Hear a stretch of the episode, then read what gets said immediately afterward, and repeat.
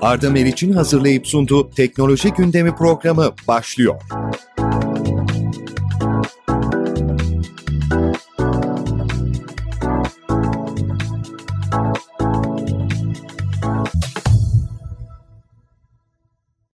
Sevgili dinleyiciler, Türkiye'nin en prestijli iş istasyonundan herkese merhaba. Güncel yaşam ve teknolojiye dair her şeyi konuştuğumuz, gündeme farklı bir bakış açısı getirdiğimiz Armeliçe Teknoloji Gündemi başlıyor. Ve yine değerli bir konuğumu, ayrıca sevdiğim bir dostumu sizlerle bir araya getiriyorum. Karşınızda Denge Legal Mali Danışmanlık Yönetim Kurulu Başkanı Erdem Yanık. Hoş geldin Erdem. Ee, hoş bulduk Arda Bey, nasılsınız? Teşekkür ederim, çok iyiyim, bomba gibiyiz. Evet Erdem, bugün COSGAP destekleri, vergi affı, torba yasa, işte mali yönden SGK yönünden neleri kapsıyor, neler oluyor, yıl sonuna doğru ne gibi gelişmeler var, sosyal güvenlik hakları pandemi sürecinde neler yapıldığı, işten çıkarma, şirketlerin mali yönden dikkat etmesi gereken hususlar, ödemelerde online işlem kolaylığı gibi birçok önemli konuya program süresince değineceğiz. E, ama öncelikle Türkiye'de ve uluslararası pazarda mali danışmanlık alanında tecrübesi bulunan Erdem Yanık'tan biraz bahsedelim. Erdem neler yapıyorsun? Bu sıra hangi yönde yönelim var? Neler önem kazandı?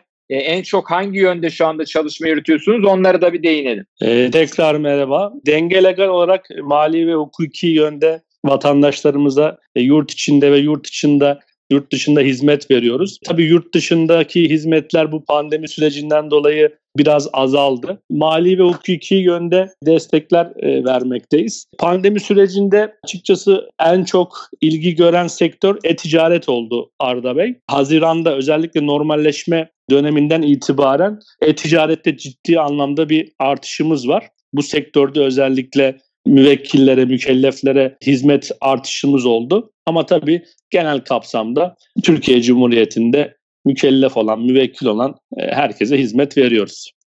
Evet bu konu oldukça önemliydi. Neler yapıldı son aylarda özellikle pandemi sürecinde ne yönde çalışmaların artış gösterdiği ekonomik çünkü göstergeler devamlı olarak değişiyor. Gelir yönleri de değişiyor. Pandeminin yönlendirdiği bir şey var. E, bu konuya değinmek istedim. Peki şu anda gündemde olan nokta vergi affı. Vergi affı ile ilgili neler söyleyeceksin Erdem? Bu konu özellikle COBİ'leri tüm ticaret hayatını oldukça etkileyen bir nokta.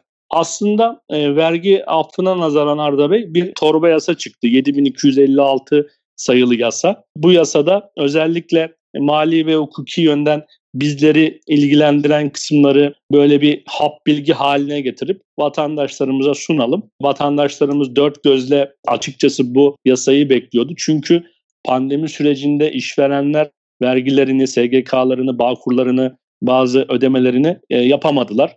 Devlet e, kısmen bazı destekler verdi. Kısa çalışma olsun, ücretsiz izin desteği olsun, e, teşvikler olsun.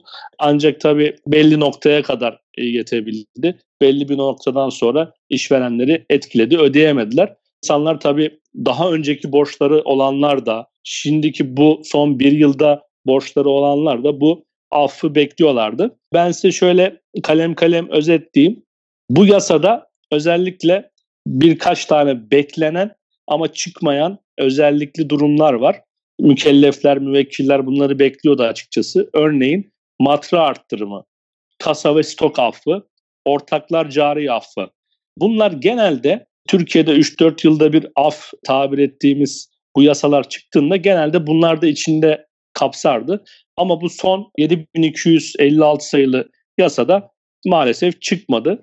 Bu da mükellefleri üzdü açıkçası. Belki birkaç ay sonra yeni bir ek düzenleme yapılarak inşallah eklenebilir.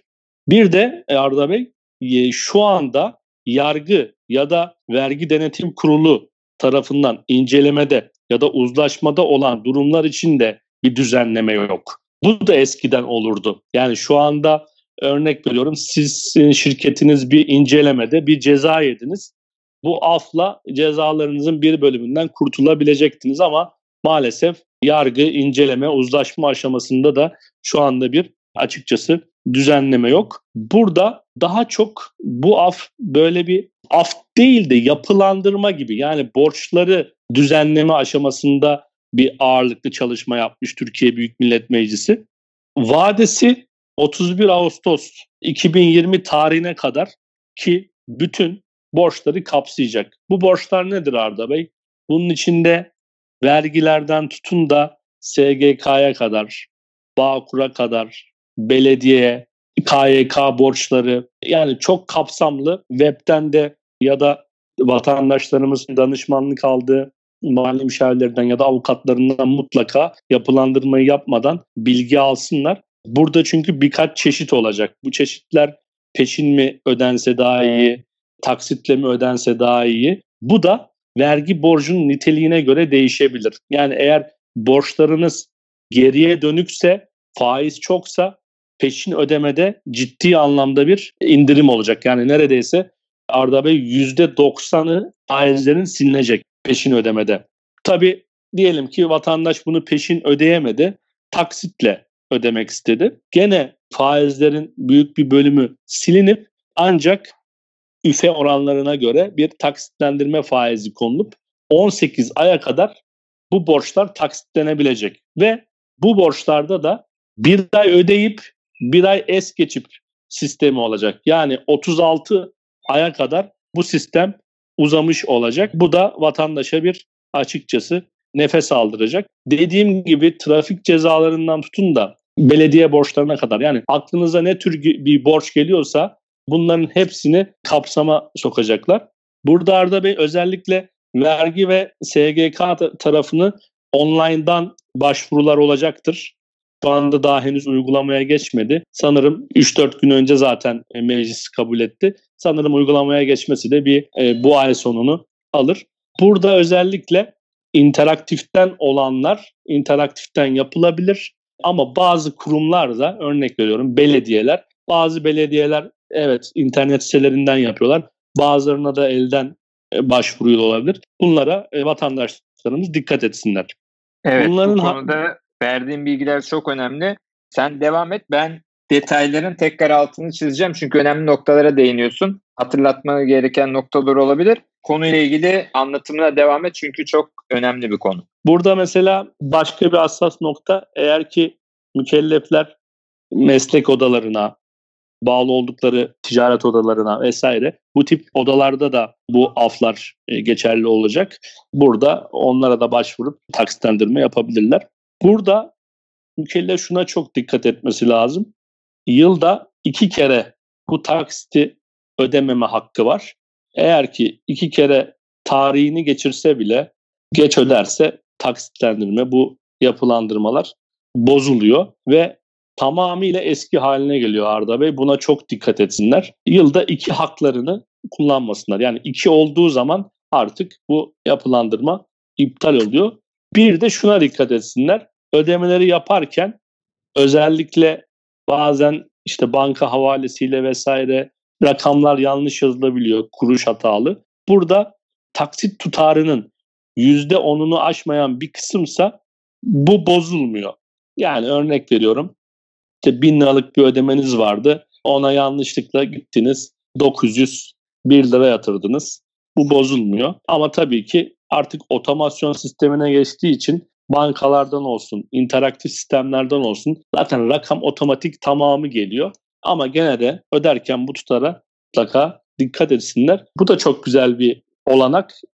Kredi kartıyla da bazı kurumlar, mesela vergi dairesi ve sosyal güvenlik kurumu özellikle, zaten ana borçlar genelde bu ikisidir Arda Bey. Kredi kartıyla da ödeme yapılabilecek sistemlerden.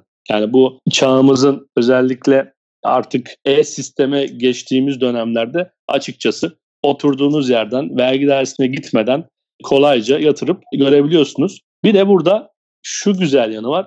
Bugün vergi dairesinden gittiniz yatırdınız ya da bankadan gittiniz yatırdınız. Bir dekont veriyorsunuz. Bu dekontu kaybettiğinizde tekrar o dekonta ulaşmanız biraz güç oluyor. Ama bu interaktif sistemlerden yatırdığınızda e, dekontlar oradaki hafızada kalıp alıntıların ve dekontların bölümünden dekontunuzu arşivinizden kaybetseniz bile oradan çok kolayca çıkarabiliyorsunuz. Hatta bu sadece e, yapılandırma için değil, normal vergi taksitleri, eski vergiler ya da başka tip tip vergiler var. Bunlarda da Ben her zaman interaktif sistemlerden yatırılmasını açıkçası öneriyorum. Çünkü orada ciddi bir iz kalıyor ve siz arşivinizi kaybetseniz bile oradan açıkçası bulabiliyorsunuz. Bu torba yasada farklı durumlar daha var. Mesela bir konaklama vergisi vardı. Bu otelleri e, çok ilgilendiriyor. Ülkemizde çok sayıca oteller var özellikle e, turizm bölgelerinde. Bu birkaç kere daha uzatılmıştı Arda Bey. Artık bu tip oteller cirolarından bir konaklama vergisi ödeyeceklerdi. Ve bunu şu anda meclis 1-1-2022 tarihine erteledi. Bu da güzel bir haber turizm sektörü için. Zaten pandemide açıkçası bayağı bir kan kaybetmişti. Bu sebepten ötürü de torba yasaya bunun girmesi açıkçası çok faydalı oldu diye düşünüyorum. Bunun haricinde torba yasada sermaye şirketlerinde özellikle sermaye azaltımı, kar payı dağıtımı hükmünde artık %15 topaja tabi oldu. Bu da sermaye ile alakalı, karla alakalı şirketleri ilgilendiren bir husus. Bunu da gerçekten iyi bir haber oldu. Ve çok önemli. Bu yurt dışında yaşayan vatandaşlarımızı ilgilendiriyor Arda Bey. Öyle dönem dönem varlık barışı diye gazetelerde, sosyal mecralarda çıkardı. Ve bir vergisi olurdu bunun. İşte yurt dışındaki bir malın ya da paranı belli bir vergisini ödeyip o vergiyle beraber Türkiye'ye getirebiliyordunuz. Burada varlık barışında tekrar bu torba yasaya girdi ve çok çok altını çiziyorum. Vergisiz Arda Bey. Yani yurt dışında eğer ki bir dövizin, altının, hisse senedin bir varlığın varsa ve sen bunu Türkiye'deki firmanda ya da Türkiye'deki TC'ne kayıtları almak istiyorsan tarihi tekrar altını çiziyorum. 30 Haziran 2021 tarihine kadar vergisiz olarak getirebilecekler. Burada da yurt dışındaki vatandaşlarımıza, gurbetçilerimize de seslenmiş olalım. Önemli bir konu, özel bir bilgidir. Yani bunu kanundan böyle çekip almak, detayını bilen danışmanlarla yapmak bu vatandaşlarımıza da fayda sağlayacaktır. Bu önemli bir noktaydı. Değindiğin son nokta önemli bir noktaydı. Ee, başka bilgi var mı Erdem konuyla ilgili?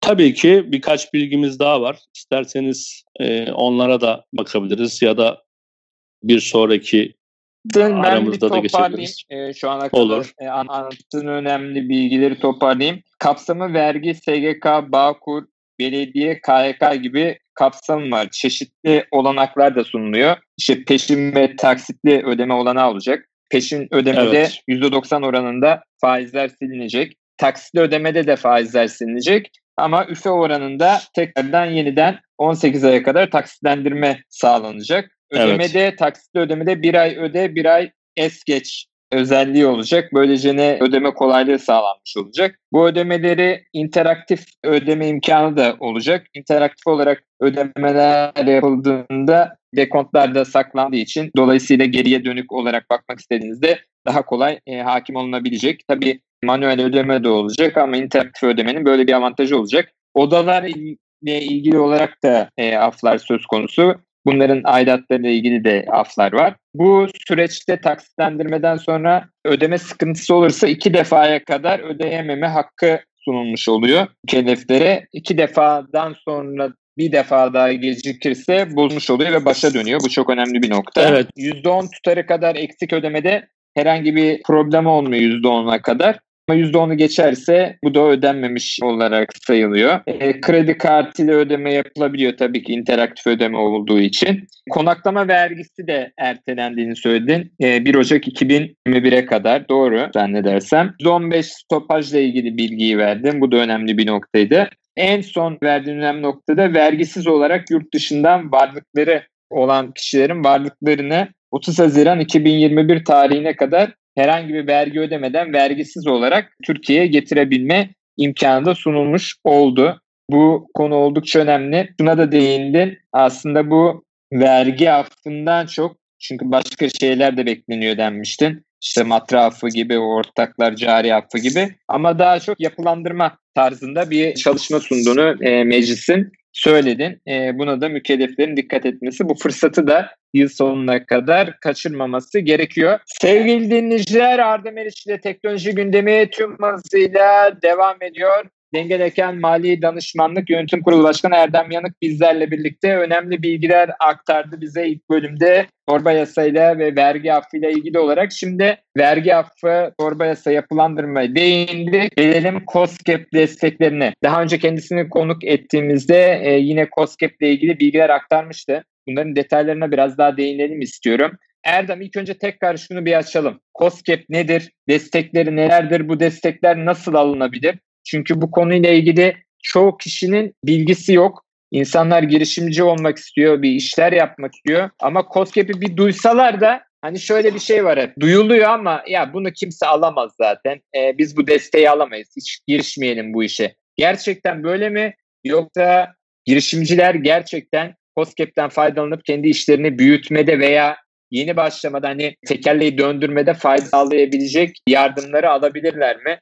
E, tabii bunun için profesyonel danışmanlık alınması gerekiyor ama insanların ve girişimcilerin şunu bilmesi gerekiyor. Gerçekten bunlar alınabilir yoksa bir ütopya mı? Bunları senden dinleyelim Erdem. Tekrar merhabalar Arda Bey.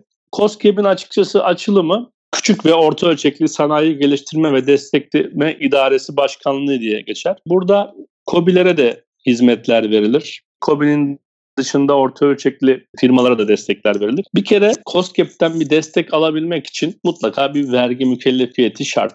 Yani bu bir şahıs firması olabilir, bir limited şirket, bir anonim şirket olabilir. Burada e, mutlaka bir firması olması lazım bu desteği alacak kişilerin. Özellikle Arda Bey son aylarda özellikle bu pandemiden sonra da COSGAP gerçekten güzel destekler çıkardı girişimcilere. Özellikle yeni işletme açanlara çok en azından böyle reel yani reel destekler var.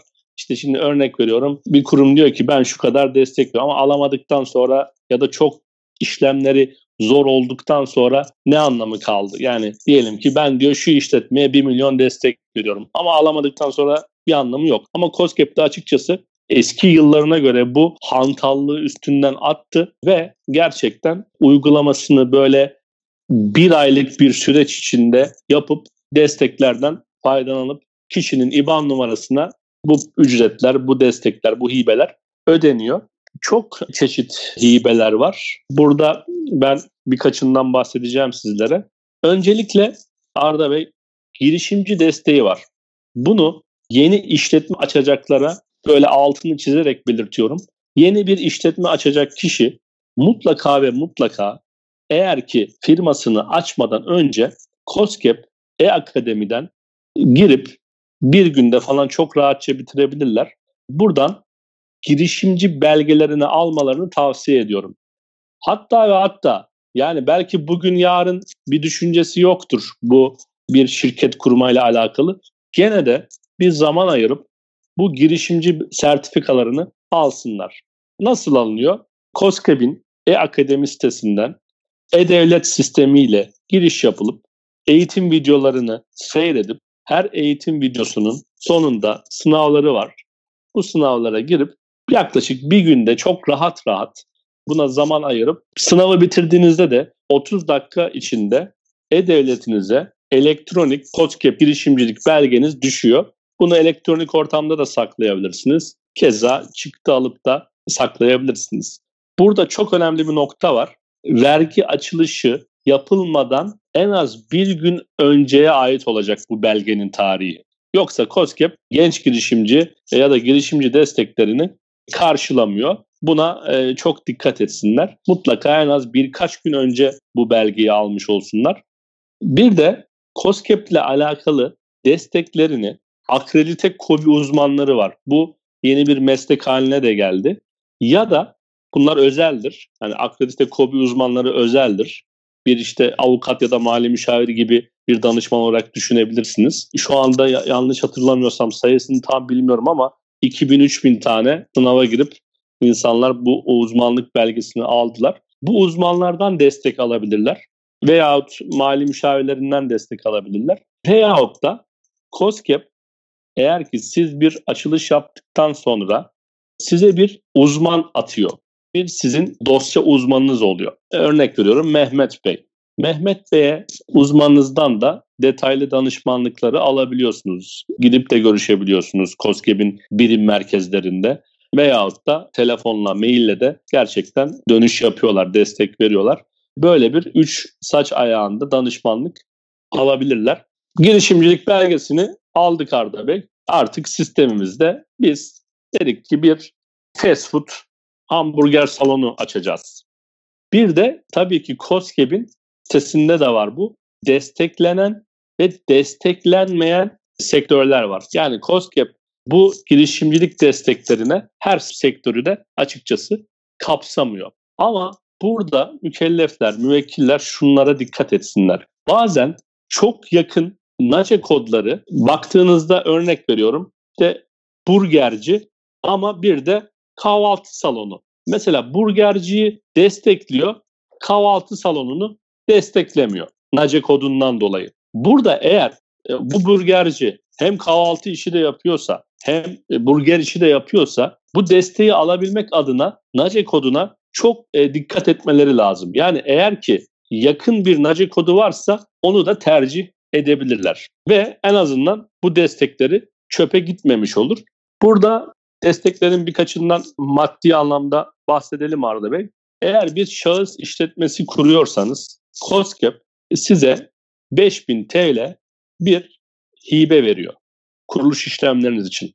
Açıkçası bu da sizin açılış yaparken noterdir, vekalettir, imza beyannamesidir, işte kira sözleşmenizin damga vergisidir, matbaa masraflarınız, kaşeniz vesaire açılışta yapacağınız bütün giderlerle alakalı muhasebe işlemleridir. Size bir destek veriyor. Bu çok güzel bir şey. Yani bugün zaten bir şahıs işletmesini açarken belki kişi 2-3 milyar rahat para harcıyor. Ve bunun COSGAP tarafından desteklenmesi e, bu girişimciler için çok olanaklı bir şey. Bunun dışında limited şirketlerde de bu aynı şartlar kapsıyor. Sadece limited ya da anonim şirketlerde 10 bin lira bir destek veriliyor kurulum aşamasında. Bu da açıkçası e, limited şirketlerin evrak işlerinin belki biraz daha fazla olmasından kaynaklı. Burada da COSGAP ilk girerken 10 bin lira bir destek veriyor. Ve tekrar altını çiziyorum. Burada mutlaka NICE kodlarına, NACE kodlarına dikkat etsinler. Çünkü o kodu yanlış seçerlerse desteklenmeyen faaliyetlerinden olabilir Arda Bey. Kurduk firmamızı, girişimcilik belgemizi aldık önce. Sonra firmamızı kurduk, şahıs ya da şirket ve artık desteklerimizi de bir ay içinde aldık. COSGAP eğer 6 ay içinde bir işçi çalıştırdığınızda size bir performans desteği veriyor. Bu destek de açıkçası 10 bin lira civarında bir destek veriyor. Ama e, işçi çalıştırmak zorundasınız. Ve bu işçinin akraba, birinci dereceden soyadı tutan birileri vesaire olmaması gerekiyor. Yoksa bu desteği COSGAP sağlamıyor. Burada ikinci 6 ayda tekrar bir işçi çalıştırdığınızda şahıs firmalarında 10 bin liraya yakın destek, şirketlerde ise tekrar 15 bin liraya yakın bir hibe daha veriliyor Arda Bey. Bu da açıkçası ikinci 6 ayda bir can suyu olabiliyor firmalara. Gene aynı şekilde mutlaka akraba, birinci derece soyadı tutan kişiler olmayacak. Ve artık biz girişimciyiz. Bir senemizi doldurduk. İki tane de işçimiz var. Bu destekleri de aldık ve bu destekleri geri ödemiyoruz. Devlet bunu bize hibe olarak veriyor. COSGAP. Ve işlerimiz iyi gidiyor ve üçüncü işçi alacağız. Burası çok önemli. Üçüncü işçiye COSGAP tam 50 bin lira destek veriyor Arda Bey. İlk siz sözünüzün başında demiştiniz ya bunlar ütopya mı gerçek mi değil mi falan diye. Gerçekten hani insanlara belki uzak geliyor ve 50 bin lira COBİ'ler için büyük bir para. Ya nasıl alıyoruz? Nasıl? Ben mesela danışanlara bunu söylediğimiz zaman e, çok ilgilerini çekiyor. Ya nasıl nasıl ya olmaz öyle şey ya falan diyorlar. Oluyor, alıyoruz. Nasıl alındığını da bir özetleyeyim ben size. Burada bu arada bu 50 bin lira üçüncü işçiye desteği sadece girişimciler değil, şu anda işletmesi var olan bir yıllık, iki yıllık, beş yıllık, on yıllık firmalar da alabiliyor. Bunun açılımı nitelikli eleman desteğidir. COSGAP diyor ki sen en az iki kişi çalıştır, üçüncü kişiye ben sana diyor çok güzel bir destek vereceğim diyor. Ama diyor en az iki kişiyi çalıştıracaksın diyor. Ve bu iki kişi en az sende 2-3 aydır çalışmak zorunda olacak diyor. Öncesinde bir e, zemini hazırlıyor. Akabinde de üçüncü kişiyi işe giriş yapmadan, burası çok önemli, işe giriş yapmadan önce, en az bir gün önce COSGAP uzmanınızdan belgelerinizi gönderip önce bir onay alacaksınız. COSGAP onayladıktan sonra işe giriş yapacaksınız. Ve buradaki hassas nokta da bu kişinin en az ön lisans ya da lisans mezunu olması gerekiyor. Yani üniversite mezunu olması gerekiyor. Zaten adı da nitelikli eleman desteği. Yani biraz diyor nitelikli bir eleman al diyor. Burada da COSGAP bu desteği verirken bu 50 bin lira desteği bir anda vermiyor tabii size 50 bin lirayı. Size bunu üçer aylık periyotlar şeklinde ödüyor ve kişinin maaşına orantılı olarak değişiyor.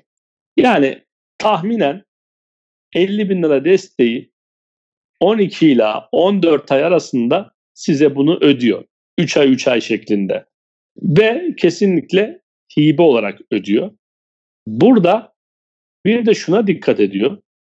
Mesela biz diyelim ki bir eczacı işletmemiz var ya da bir optik işletmemiz var. Bir üniversite mezunu işe aldım. Üniversite mezunu da su ürünleri fakültesinden mezun diyelim ki. Bunu bazen desteklemeyebiliyor COSGAP. Sebebi de diyor ki ya bu sana uygun bir nitelikli eleman değil diyor. Yani e, su ürünleri fakültesi seninle optikle ya da eczaneyle bir e, bağ kuramıyor. Ama diyelim ki bir optik firmasında iki yıllık optisyenlik mezunu olan birini aldığınızda çok daha kolay destekliyor. Ya da bir işletme iktisat mezunu birini aldığınızda bunu işe girişini yaparken işletme iktisat mezununu mesela bir ön muhasebeci, genel muhasebeci, bir idari müdür olarak da işe alabilirsiniz. Burada da destekliyor. Yani biraz burada e, alaka istiyor. Bir işte reklam firmasına e, reklamcılık okuyan birini çok rahat soktuğunuzda bu destekleri COSGAP açıkçası veriyor. Bu 50 bin lira destek açıkçası çok güzel bir e, olanak ve tekrar altını çiziyorum. Var olan işletmelere de veriliyor, girişimci olan işletmelere de veriliyor. Ve ilginç bu bir kereye mahsus bir şey değil. İki yılda bir bu desteği size COSGAP veriyor. İki yıl geçti. Aldık bu 50 bin lira desteği. İki yıl sonra başka bir eleman aldık. Gene üniversite mezunu. Gene şartları tamamlıyor. Bir 50 bin daha alabiliyorsunuz. Yalnız burada bu desteği alırken mutlaka vergi ve SGK, ve Bağkur bu tip borçlarınız olmaması gerekiyor.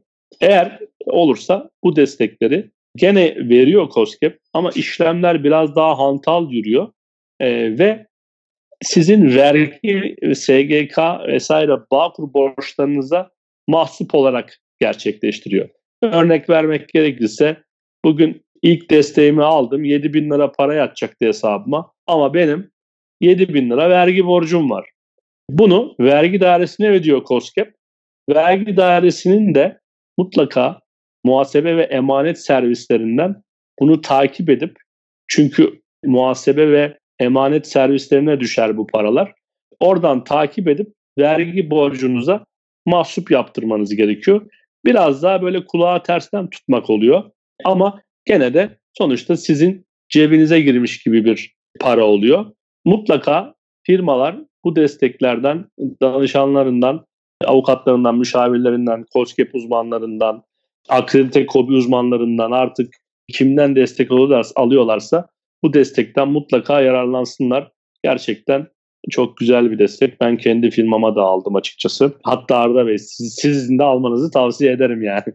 Evet Erdem Bey'in tavsiyelerini dinlemek gerekiyor. Sevgili dinleyiciler Arda Meriç'le teknoloji gündemi tüm hızıyla devam ediyor. Erdem Yanık bize önemli bilgiler aktardı özellikle COBİ'ler için. Ben en son verdiği bilgi bilgileri özellikle COSGAP'te verdiği bilgileri toparlamak istiyorum. Oldukça önemli bilgilerdi bunlar. Çeşitli hibeler var. Evet bunlar İtopya diye alınabiliyor dedi kendisi. Özellikle yeni işletme kuruluşunda genç girişimcilere COSGAP tarafından e-akademi üzerinden verilen destekler var. İlk olarak e, tutarı 5000 TL e, olarak başlayan ve 10.000 TL, 10.000 TL en sonunda üçüncü nitelikli çalışan aldığınız zaman da 50.000 TL'ye varan destekler söz konusu oluyor. E-Akademi nasıl giriliyor, nasıl alınıyor denildiği zaman E-Devlet üzerinden giriş yapılıyor. E-Akademi ile ilgili işte bir soru e, cevap çalışması var zannedersem. Bunun da tabii detaylarını yine bu konuyla ilgili profesyonellerden, uzmanlardan destek alınması gerekiyor. Çünkü kuruluştan önce yapılması gerekiyor şirket kuruluşundan önce. Bu da önemli bir nokta. Özellikle altını çizdiği noktaydı bu. Bunun haricinde her sektörü kapsamıyor. E, belirli sektörlerde geçerli oluyor. Örnek verdi işte tabii teknoloji sektöründe de olabilir, farklı sektörde de olabilir. Sektörlerde sizin yaptığınız 3-4 iş olabilir ama birini kapsıyor, birini kapsamıyor olabilir. Onun için danışmanlık aldığınız kişinin, danışmanlık aldığınız şirketin bu konuya hakim olması oldukça önemli. Size doğru yönlendirmesi gerekiyor ki COSGAP'ten gerekli desteği alabilirsiniz. Burada bir önemli noktada işletmenin şahıs şirketi olması gerekiyor. Şahıs işletmesi olması gerekiyor. Bu genç girişimci desteklerinden faydalanabilmek için. E, nitelikli eleman desteğinde 50 bin TL'ye kadar çıkıyor denildi. İşte üçüncü işçi olması kaydıyla. E, bunda tabii nitelikli elemanda ne kastediliyor? Profesyonel olması, lisans mezunu olması gerekiyor. Bu destek de 2 yılda bir farklı zaman diliminde alınabiliyor. E, yine aynı koşullar olması gerekiyor. Bu destek alınırken e, vergi, SGK veya Bağkur borcunun olmaması gerekiyor. Olursa ne oluyor? Biraz işlem süreci uzuyor dedi. Bunun yanında borçlarınızdan mahsup ediliyor. Yani aslında işte 10 bin TL borcunuz varsa siz 50 bin TL alacaksanız 10 bin TL'si otomatik mahsup edilip 40 bin TL gelebiliyor. Ya da zaman diliminde farklı zamanlarda gelecekse ilk önce bu mahsup yapılıyor.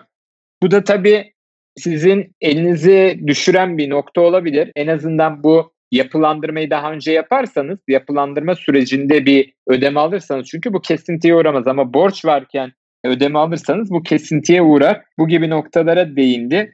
Aslında bu desteklerin alınabildiğini hatta kendi firmasının da e, bu destekten faydalandığına değindi. Dolayısıyla bu bir top dediği bu destekler alınabiliyor. 5 bin, 10 bin, 10 bin, 50 bin olmak kaydıyla. Ama doğru yönlenmek gerekiyor. İşi de doğru yapmak gerekiyor. Yani sonuçta şu düşünülmemeli. Ya ben bu desteği nasıl alırım? Bundan ziyade ben bu desteği alıp işimi nasıl geliştiririm, nasıl daha iyi bir noktaya getiririm? Yani aslında bu verilen destek size bir hamur olabilir. Bu hamuru güzel şekilde yoğurup iyi bir noktaya getirip e, sunmak daha güzel. Yani şöyle düşünülsün istemiyorum. Hani ben bu desteği alayım, Ondan sonra tabir etmek gerekirse Allah kerim. Böyle değil. Gerçekten işinizi büyütebilecek, destek olabilecek, sizi bazı vergi yüklerinden kurtarabilecek çalışmalarda kullanılması yani gerçekten iş yapılacağı zaman kullanılması oldukça önemli. Sonuçta bu COSGAP destekleri de hepimizin cebinden çıkıyor. Doğru kullanmak gerekiyor. Yani gereksiz yere kullanımında önüne geçmek gerekiyor. Benim ekleyeceklerim e, bu COSGAP destekleriyle ilgili bu. Özellikle alınabildiğinin altını çizdi ama doğru desteğin alınması gerekiyor. Doğru kişilerden danışmanlık alınması gerekiyor. Bu çok önemli. Erdem senin ekleyeceğin başka bir şey var mı konuyla ilgili? COSGAP ile alakalı birkaç tane daha ekleyelim Arda Bey. Akabinde de genç girişimcinin vergisel avantajları ve sonunda da e, birkaç tane böyle hap bilgilerimiz var. E, vergisel yönde dikkat edilmesi gereken onlardan bahsedip inşallah bitiririz. COSGAP'te Arda Bey. Bir de imalatçılara bir destek var. İmalatçıdan kastım bu bir konfeksiyon atölyesi de olabilir. Bir küçük konfeksiyon atölyesi. Bu bir üretim yeri de olabilir. Burada COSGAP diyor ki sana diyor 130 bin liraya kadar makine desteği hibe verebilirim diyor. Burada bu hibeden kastı şu bir konfeksiyon atölyesi kurdum. Onların işte böyle makinaları oluyor. İşte Reşme'dir, Overlock'tur. Bunları faturalı bir şekilde aldım ve ödemelerini mutlaka havale yöntemiyle yapması gerekiyor mükellefin. E, herhangi bir kredi kartıyla ya da peşin ödeme kabul etmiyor COSGAP. Gittim bir yerden aldım makinaları, faturaları da bana kesti e, ve ben COSGAP'e dosyamı sundum, kabul etti.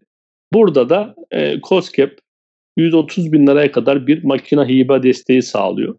İki yıl o makinaları takip ediyor. Yani satamıyorsunuz. Tabiri caizse yerini bile değiştiremezsiniz. İki yıl COSGAP gözetimini yapıyor. İki yıl sonra artık bu makine e, sizin oluyor. Bu da açıkçası böyle küçük kapsamda imalat yapacak mükelleflere gerçekten güzel bir rakam. Ve buradaki durum da şey dediğim gibi bu da bir hibe. Herhangi bir e, kredi değil. COSGAP 70 bin liraya yakın da neredeyse sıfır faizli bir kredi olanağı sağlıyor bu girişimcilere. Normal var olan işletmelere değil de girişimci ise e, ve bir yıl içinde vergi açtıktan sonra COSGAP'in beraber çalıştığı bankalarla burada özel bankalar da var. Bunun içinde devlet bankaları da var. Bunlardan neredeyse sıfır faizli krediler de çekebiliyorlar. Bir de tabii biz bunu uygulamada açıkçası ben görmedim ama inovasyon ve robotiye COSGAP 1 milyona kadar bir destek veriyor. Çok ciddi bir rakam Arda Bey. Robotikle alakalı çalışmalara bu COSGAP'in sitesinde de vardır.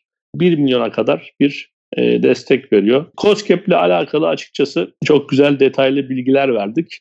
Bu bilgileri e, vatandaşlarımız duruma göre e, uzmanlardan, danışanlarından destek alarak genişletebilirler. Mutlaka araştırsınlar. Ütopya değil. Bu destekler alınabiliyor. İşletmelerine fayda sağlarlar.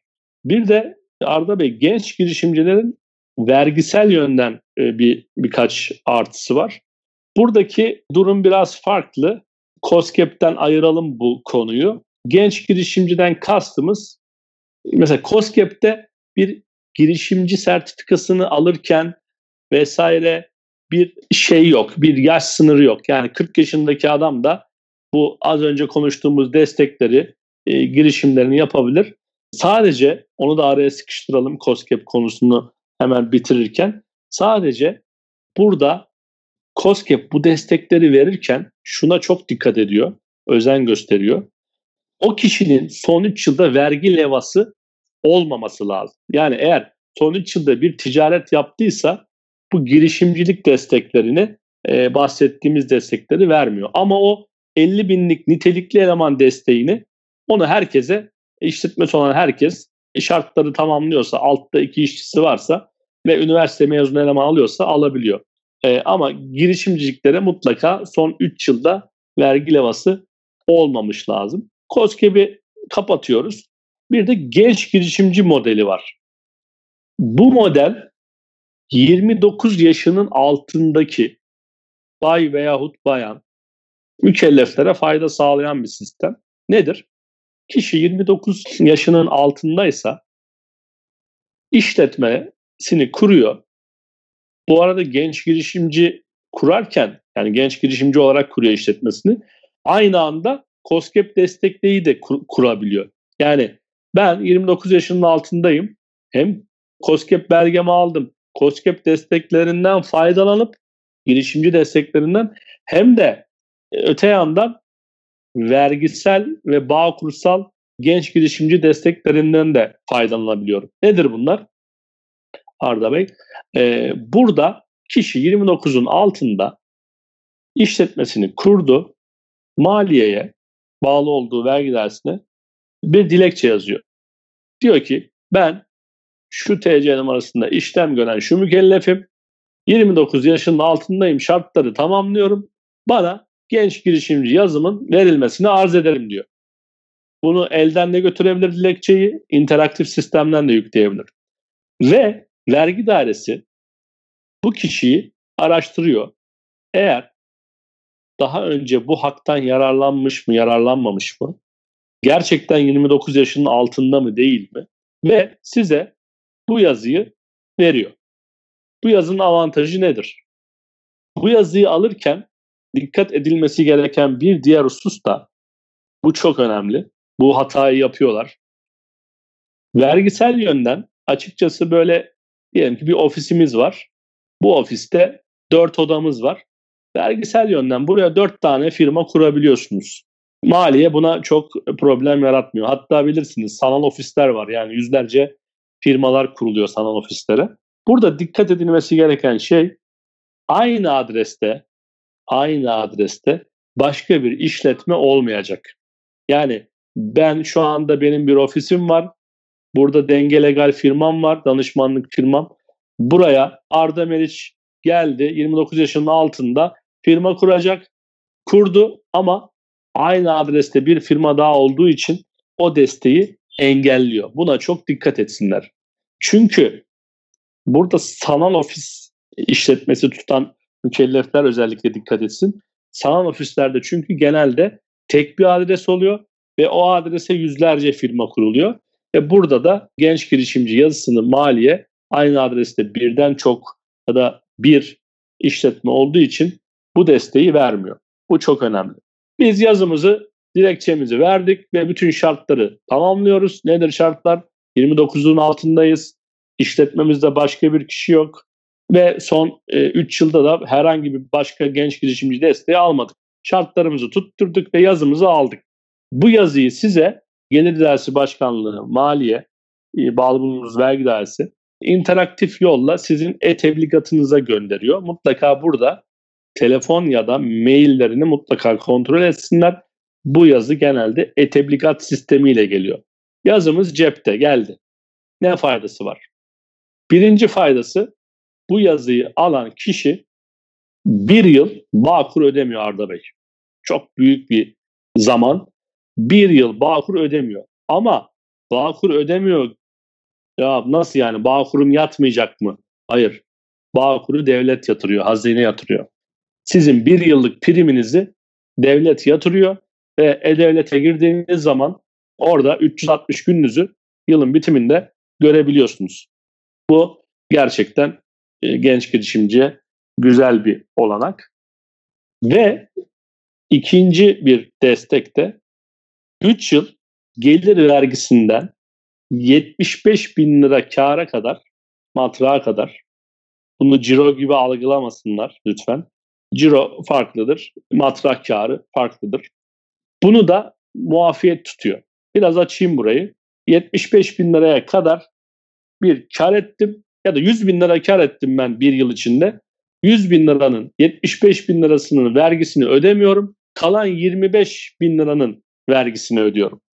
Ve akabinde de bu tutarı ciddi bir vergi avantajı oluyor ve 3 yıl Arda Bey. Bu 3 dönem daha doğrusu. Diyelim 2020'de açtık genç girişimci. 2020, 2021, 2022 dönemlerinde 3 yıl 75 bin liraya kadar gelir vergisinden muafiyet var. Genç girişimci son cümlemle bitiriyorum. Zamanımız da daralıyor. Editör arkadaşımız arkadan işaret yapıyor. Burada genç girişimci olanlar mutlaka şahıs firması olmak zorunda. Yani bir limited şirket 29 yaşının altında da olsa genç girişimci olamıyorlar. Son birkaç tane de hap bilgiye değineceğim. Araçlarda işletmeler bunu mutlaka dikkat etsinler. Araç kiralamada ya da demir başında olan araçlarda benzindir veyahut başka giderleridir. Artık son zamanlarda bir tebliğ çıktı. Bunun sadece %70'ini gidere atabiliyorlar. Bunlara dikkat etsinler. Bunun haricinde artık e-dönüşüme çok fazla, dönüşüm çok ilerledi. Burada özellikle 5000 lira KDV dahil olan faturaları mutlaka artık elden kesmiyoruz. Burada vatandaşlara, mükellef olan vatandaşlara e, dikkatini çekelim. 5000 lira KDV dahilin üstünde ise mutlaka sistemden, portaldan kesiyoruz. Turizm beyannamesi hayatımıza girdi. Özellikle turizm işi yapan, seyahat acentesi belgesi olanlar mutlaka turizm belgelerini, beyannamelerini vermeyi unutmasınlar. Ciro'dan verilen bir beyannamedir. Buna dikkat etsinler. Ve işletmeler yeni bir on dönemle neredeyse bir yıldır poşet beyanı hayatımızda GECAP beyanı. Burada da mutlaka poşet kullananlar, işletmeler çok dikkat etsinler. Poşetlerine fişleri kessinler. Alırken faturalı alsınlar. ve bu poşet beyanlarının da verilmemesinin açıkçası çok ciddi 20 bin liralara kadar cezaları var. Açıkçası Arda Bey yani anlatsak o kadar çok böyle hap bilgiler, çok detaylı bilgiler var ki ancak zamanımız kısıtlı.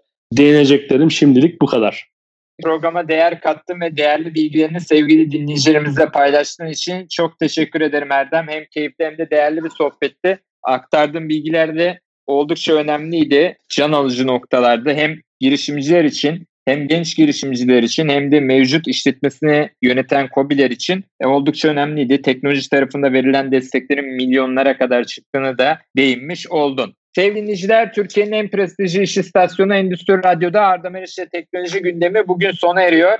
Arda Meriç'le teknoloji gündemi resmi mobil uygulamamızı ve içerisindeki sürprizleri takip etmeyi unutmayın. Önümüzdeki programda yine değerli bir konumla birlikte sizlerle bir araya gelmek üzere. Şimdilik hoşçakalın, sağlıkla kalın.